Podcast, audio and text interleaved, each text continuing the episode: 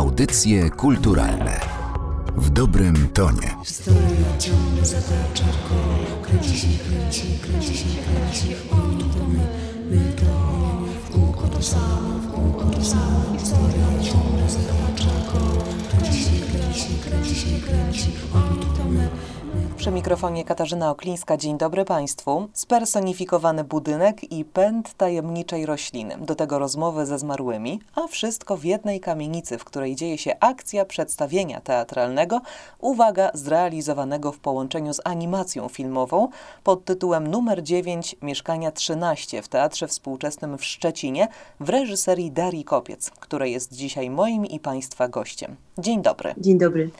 Ten wyjątkowy spektakl online został dofinansowany ze środków Narodowego Centrum Kultury w ramach programu Kultura w sieci i jest świetnym przykładem na to, że istnieje coś pomiędzy filmem a teatrem. I pani to udowadnia. Z uporem maniaka, można by było powiedzieć.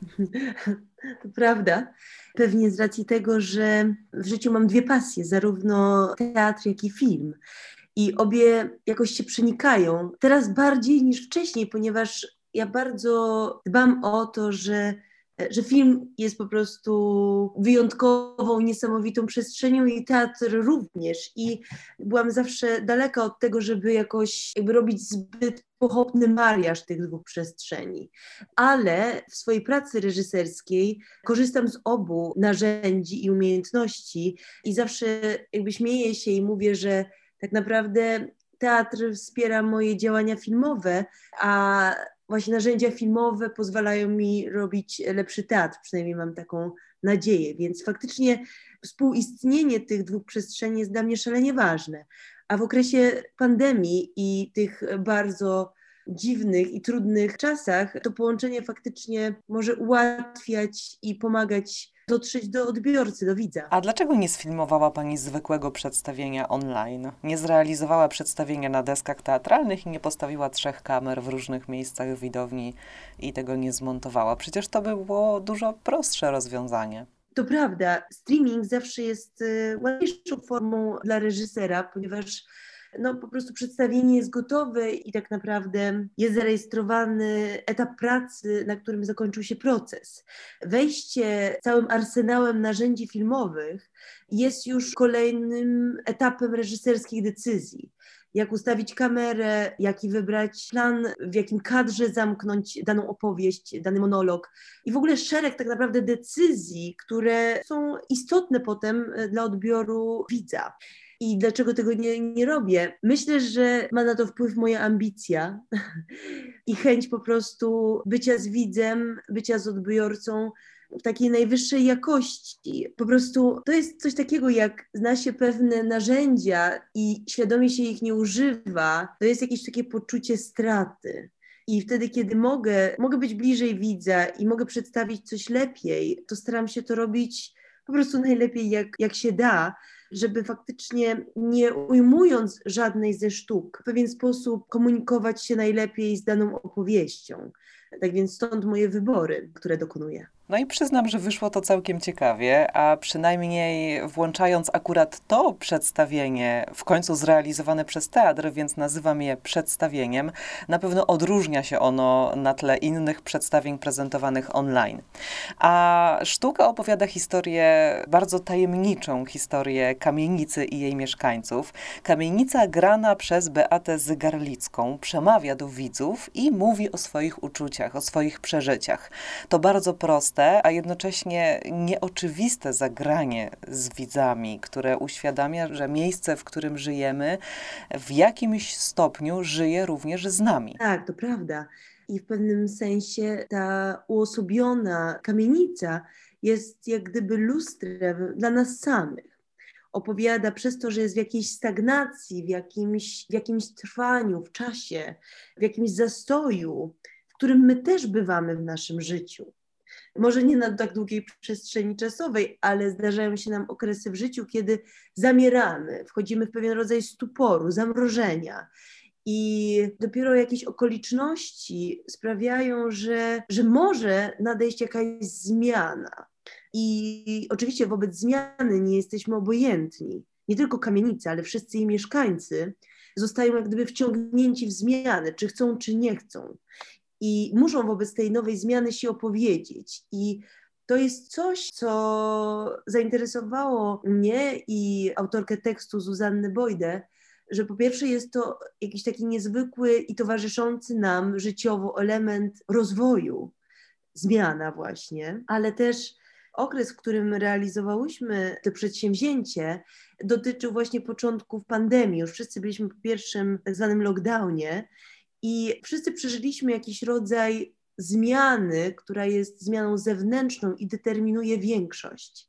Więc ten temat wybrzmiał jeszcze nie tylko na poziomie indywidualnym, ale takiej świadomości zbiorowej, takiego przeżycia nawet zbiorowego. Pierwszy raz ciało stało mi się człowiekiem, kiedy na śmietniku obok mnie usłyszałam kwilenie. No, płacz dziecka. Mały człowiek, taki dzidziuś. Płakało tak głośno i rzewnie, że nagle mój umysł, moje myśli i moja dusza to stworzyły chyba to ciało kobiece i się tu przeniosły. Wspomniała Pani o tym, że pojawia się coś, co zmianę wywołuje. W spektaklu występuje jeszcze jedna postać ze świata fantazji. Jest to drzewo, które zbyt dobrze zadomowiło się w tej kamienicy. Dokładnie tak. To właśnie to drzewo, ta życiodajna siła, natura, która nagle rozpiera swoją siłą, no właśnie przestrzeń tej kamienicy. Okazuje się, że jej życiodajność jest e, jakby niezwykła i mówiąc bardzo dosłownie, to drzewo wdziera się do mieszkań poszczególnych mieszkańców. I oni są tą zmianą mocno zaskoczeni. Natomiast kamienica zaczyna dostrzegać, odczuwa to wtargnięcie żywej natury, życiodajnego świata natury, jako pewien rodzaj ekscytującej, a nawet ekstatycznej sytuacji bliskości, miłości, rozerwania, które jest no, bliskie jakiemuś wręcz erotycznemu spełnieniu. I oprócz y, kamienicy, oprócz drzewa są ludzie, którzy często nie zauważają e, swojej nawzajem obecności.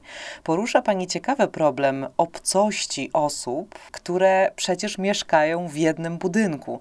Każdy ma jakiś kłopot, każdy jest jakiś, ma swoje wzloty i upadki, ale niewiele wie o swoich sąsiadach. To chyba typowe dla współczesności. Często na to narzekamy, mieszkając w budynkach wielorodzinnych, a niewiele z tym robiąc. To prawda. Myślę, że ma to związek ogólnie rzecz biorąc, z rozwojem kapitalizmu, ale też ze zmianami, które wydarzają się w społeczeństwie.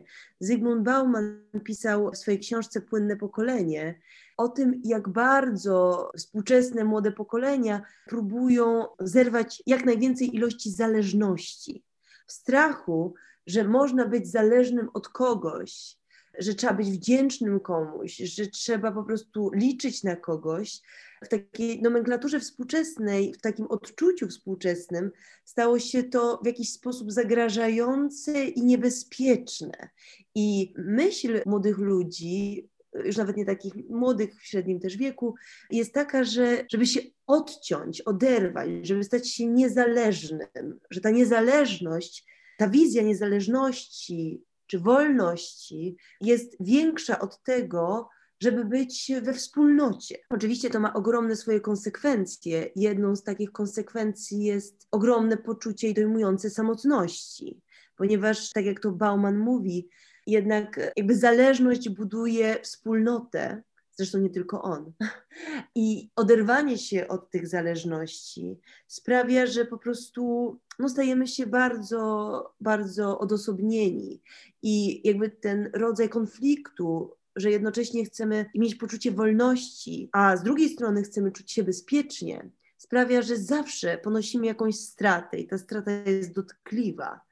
Tak więc tak, pęd życia, takie właśnie niepokoje z zeszłych pokoleń, które się też nie sprawdziły, tej zależności, może toksycznej zależności, może tej zależności, która nie była wygodna, która wcale nie była karmiąca i dająca poczucie bezpieczeństwa, jak to zawsze bywa, odwraca się w przeciwną stronę i ludzie buntują się, odcinając. No i to też nie jest rozwiązanie, a efekt jest właśnie taki.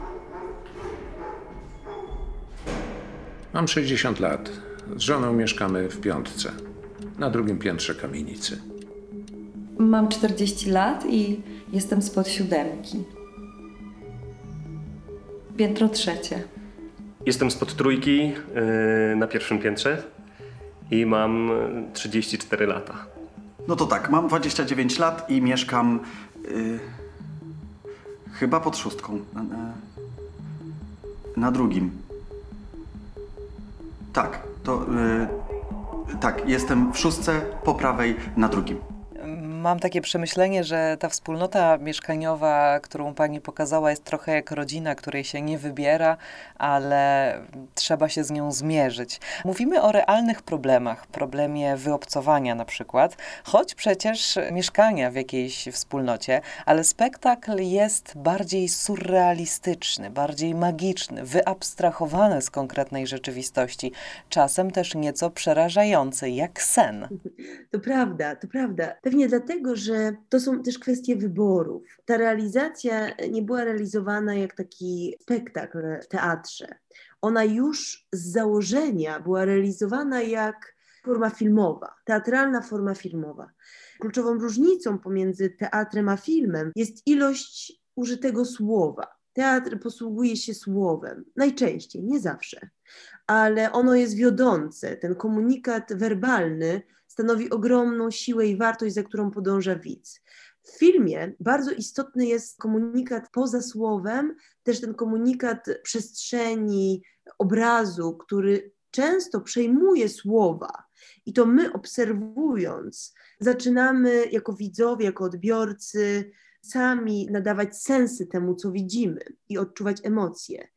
Tekst miał bardzo dużo też do przekazania informacji, tego słowa, a jednocześnie był przygotowywany jako forma filmowa.